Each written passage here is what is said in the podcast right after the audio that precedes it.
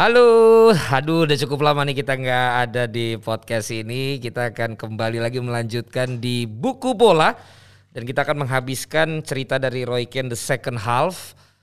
Banyak sekali memang alasan-alasannya waktu itu konsentrasi ke jebret workshop. Sebelumnya kasih kesempatan dulu buat si podcast FC ya, belum lagi juga waktu itu gue bawain badminton ya kan. Nah ini kalau nggak dipaksain juga ini kayaknya nggak selesai-selesai. Tapi gue udah selesaiin bukunya. Tapi kali ini gue nggak akan chapter by chapter. Tapi dari empat chapteran yang tersisa gue akan jadikan satu ya. Teman-teman yang saat ini kembali mendengarkan. Jadi poinnya adalah gue bercerita sampai dia menjadi pelatih di Sunderland. Nah, ternyata di sana dia yang diharapkan mengangkat dari posisi bawah di Championship. Intinya Roy Keane berhasil membawa tim ini menjadi juara di Championship. Sehingga Roy Keane lumayan dipuji-puji lah. Dan kemudian dia ada di Premiership. Di mana di Premiership dia membutuhkan pemain-pemain baru dan poinnya mereka akhirnya bertahan di Premiership ketika itu.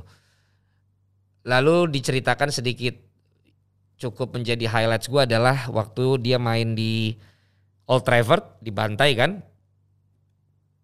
Di momen itu dia nungguin untuk minum bareng sama Ferguson karena biasanya tim tuan rumah akan menjamu tapi Fergusonnya ternyata nggak datang-datang. Dan akhirnya dia cuma lewat telepon atau WhatsApp gitu bilang sorry nggak bisa. Dan si Roy Ken ya tambah gedek aja gitu kan. Dan ada satu kejadian lagi di ruang ganti di salah satu tim karena dia nggak terima dia malah ngajak berantem gitu di tim itu ya. Lalu di musim berikutnya Roy Ken dengan tanpa mikir panjang gitu dia juga bilang seperti itu. Dia pengen ada di delapan besar gitu loh. Padahal untuk ukuran tim yang baru promo dari championship dua tahun tiga tahun tuh yang penting bertahan dulu aja gitu loh baru masang target. Dia beli pemain ini beli pemain itu nggak bisa beli pemain mahal tapi paling nggak ada si Richardson.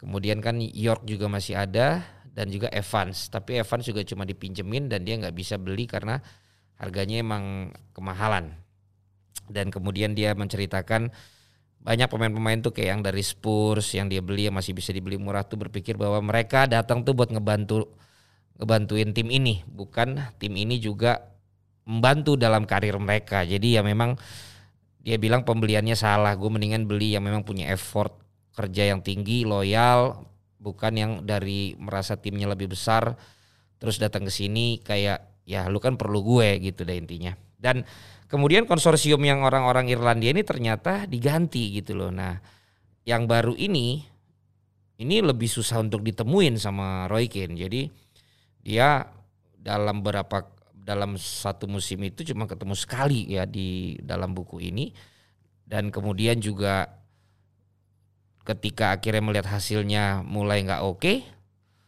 ya udah Roy Keane akhirnya diputus untuk tidak melatih Sunderland lagi dan si Niall Quinn juga masih di sana nggak enak ngomongnya ke si Roy Keane tapi akhirnya dia dipecat dan di situ dia merasa malu banget hidupnya kembali dia mengingat kenapa dulu gue emosional banget untuk langsung iyain kata-kata Ferguson balik lagi dia nginget kenapa kenapa kenapa dan kenapa karena dia bilang akan malu banget dia pulang ke rumahnya dan mengatakan bahwa dia dipecat.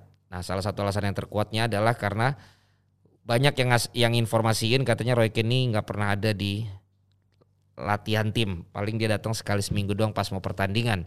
Dan si yang punya klub minta dia untuk tinggal di Sunderland bukan bolak-balik di Manchester.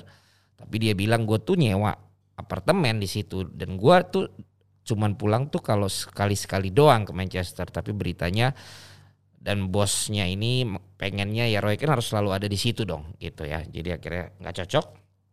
Kemudian dia pindah ke dapat tawaran di Ipswich dan dia bilang bahwa waktu gue tahu itu ternyata warna biru gue aneh banget karena gue udah terbiasa dengan warna merah dia bilang dan ini kayak bukan buat gue. Kalau Sunderland tuh gue nyesel banget sampai sampai dia nggak ngelatih lagi itu karena dia merasa itu dirinya banget. Tapi di Ipswich ini memang udah bukan dari hatinya dia nggak dia akhirnya cuma sekedar ya melatih ya melatih dan ya nggak lama juga akhirnya dia pun cabut dari situ. Dan dia ada di masa-masa yang berat waktu itu ketika nggak punya kerjaan dan dia akhirnya ngambil-ngambil job-job yang bisa dibilang lepasan lah. Dia pergi dari sponsor A diajak keliling sama Marcel Desailly ke Afrika terus diajak main di apa kayak tim klub legend gitu loh yang udah pada tua-tua dan lain sebagainya. Yang membuat dirinya tuh kayak gue tuh nggak nggak pengen kayak begini hidup gue katanya. Ini gue kelihatan banget gue tuh nggak punya kerjaan gitu. Sampai akhirnya dia diundang sebagai pundit gitu. Dan dia awalnya juga menolak karena terakhir kali dia jadi ngomong di depan TV kan itu yang membuat jadi salah satu dia diributin sama Ferguson kan tetapi ternyata bagi TV perkataan-perkataan dia yang memang nyelekit-nyelekit begitu itu menjadi menarik dan juga cocok. Dan dia pun mengakui bahwa dalam memberikan komentar itu gue mencoba sangat simpel. Gue nggak akan ngomong yang banyak dan ketika gue dipancing untuk ngomong banyak ya gue kalau cuma segitu segitu aja. Orang mengatakan kalau satu pintu tertutup akan ada pintu lain yang terbuka, tapi itu tidak selalu terjadi dalam sepak bola katanya. Satu pintu yang tertutup, ya udah semuanya aja ketutup. Gua nggak pernah menyangka dalam sesekejap ataupun dalam semenit pun ketika telepon gua tuh nggak nyala nyala nggak ada yang telepon untuk kerjaan. Dan gue juga melihat beberapa kesempatan yang lain juga gue belum cocok. Dan akhirnya dia mencoba untuk menjadi seorang pundit.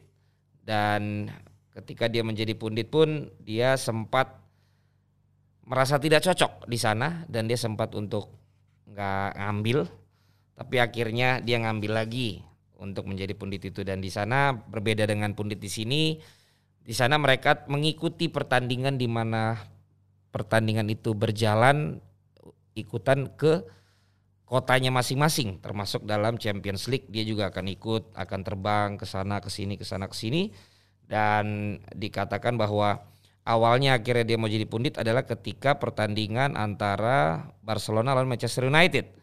Karena dia pernah dalam kondisi yang dalam membela Manchester United kemudian juga pernah melawan Barcelona. Dan sejak saat itu dia kemudian dipercaya untuk menjadi pundit dan dia mengatakan bahwa ya gue senang sih terbang-terbang ke sana ke sini kemudian menganalisa pertandingan. Tapi kalau bisa mendingan di satu negara aja toh bayarannya sama dia bilang kayak gitu.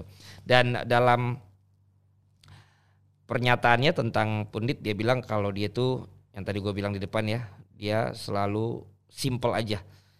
Dan diakui bahwa juga banyak istilah-istilah yang sebenarnya udah lama tapi dibuat menjadi istilah yang baru karena untuk menajamkan dan untuk membuat jadi menarik. Seperti parking the bus dia bilang itu kan strategi bertahan yang memang dari dulu tapi kata-kata bahwa kemudian jadi sebuah kata baru yang populer nah di era TV sekarang ya itu sangat diperlukan dia bilang gitu.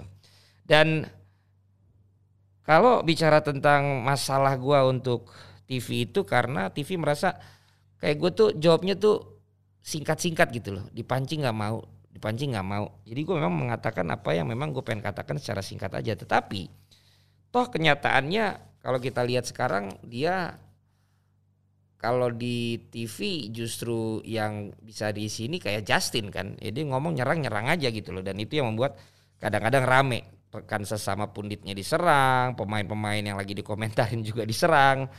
Ya memang tipenya seperti itu. Dan ini yang membuat seorang Roy Ken sepertinya digemari untuk menjadi pandit di TV. Tapi pada akhirnya ini buku kan dibuatnya di tahun ini dibuatnya di tahun 2014 dan 2015. dia poinnya akhirnya mengatakan kalau udah cukup deh gua nggak bisa nih untuk jadi pundit lagi juga gitu. Apalagi dia paling benci tuh kayak kalau misalnya selalu diungkit-ungkit dengan pertanyaan yang sama. Dia waktu itu pernah ditanya tentang kegagalan di Champions League final jadi dari babak perempat final udah ditanya tentang itu dia jawab babak semifinal ditanya udah jawab. Di babak final ditanya lagi karena dia di sisi yang pernah gagal di Champions League. Sehingga dia marah dan kemudian dia pikir bahwa gua rasa gua nggak bisa nih emang di TV kayak begini. Gua nggak suka kalau akhirnya dijadiin bahan untuk sesuatu yang ramai dengan sengaja gitu loh karena memancing dia dan memancing dia dia mengatakan bahwa kayaknya sekarang udah beres deh, gue udah nggak bisa lagi kerja di TV, dia bilang kayak gitu. Produsernya bilang yakin nih sekarang lu mau cabut. Waktu itu kan lu udah pernah cabut tapi lu balik lagi. Iya katanya dia balik lagi. My heart's not in it, hati gue nggak di sini. Dan when I had work on the FA Cup final the week before, I hadn't felt comfortable. I was a pandit, but I was also Ireland's assistant manager now. Apalagi dia akhirnya sambil ngambil job sebagai asisten manajer di Irlandia. Sehingga dia bilang ini ah, jadi double begini dia nggak nyaman. Dan dia akhirnya bilang untuk cabut. Dan dia juga cerita banyak sekali ketemu dengan orang-orang yang dulunya di lapangan sebagai senior ataupun juga lawan dan sekarang menjadi teman untuk siaran ya. Dari Lee Dixon, Gareth Southgate juga ada pelatihnya kan Martin O'Neill dan Andy Townsend disebut juga di sini. Ini merupakan nama-nama pundit yang juga sampai sekarang ada yang tetap jadi pundit, ada yang bahkan sekarang menjadi pelatih Inggris kan. Ya itu dia akhirnya dia juga ngambil job di asisten manajernya Irlandia dan juga sempat di asisten manajernya Aston Villa yang membuat karirnya sampai di buku ini tuh mengatakan bahwa dia udah berhenti dari pundit gitu. Nah, gue juga belum baca dan gak ada di buku ini kenapa toh sekarang dia di ITV itu juga tempat dia sebelumnya dia cerita dia balik lagi gitu loh di ITV jadi akhirnya dia kembali jadi pundit kita akan lihat nanti apakah ada buku yang ketiganya dan kenapa dia balik jadi pundit. Dan toh kalau gue lihat dia malah cocok banget jadi pundit ya dengan dengan pengalamannya sebagai pemain dan dengan mulutnya yang memang berani untuk mengatakan yang berbeda dengan yang lain maupun berani untuk mengatakan yang dari hatinya dari analisanya bukan sekedar untuk mengeluarkan kata-kata yang baik atau kata-kata yang menyenangkan. Poinnya adalah memang Roy Keane ini sosok yang sangat sangat keras, sangat belak-belakan, sangat to the point, tapi kadang menyesali di belakang, tapi kadang melo kalau dia sendirian dan dia melo kalau sudah sama keluarganya dan kadang kalau udah terjadi hal yang kemudian diakibatkan karena sifat kerasnya dia di saat itu merasa ah ya udah nggak apa-apa menang gitu. Tapi di sisi lain dia saat sendirian dia lagi sama keluarganya dia merasa kenapa gue melakukan itu? Kenapa gue melakukan itu? Tapi itulah dia sosok Roy Keane yang sudah kita ikuti dari buku keduanya nih ya The Second Half. Mulai dari kejadian dia dengan Halan Kemudian juga cerita season by season kejadiannya dengan Vieira dengan hubungannya dengan Neville waktu itu, kemudian juga kejadian dengan Ferguson dan David Gill sama si Carlos Queiroz, kemudian juga pandangannya terhadap pemain-pemain bintang di Manchester United sampai akhirnya dia jadi pelatih dan sampai akhirnya dia jadi pandit. So, ini adalah buku bola di buku yang pertama yang gua share ke lo di podcast ini Roy Ken the second half sudah kita akhiri di sini. Berarti satu buku sudah gua selesaikan dan kita akan menuju ke buku-buku berikutnya. Ada yang bilang kemarin Bang yang buku Pirlo dong, ada yang bilang Mourinho dong dan lain sebagainya. Kita akan lihat nanti selanjutnya buku bola akan membacakan bukunya autobiografinya siapa. Kalian boleh kasih juga saran dan masukan.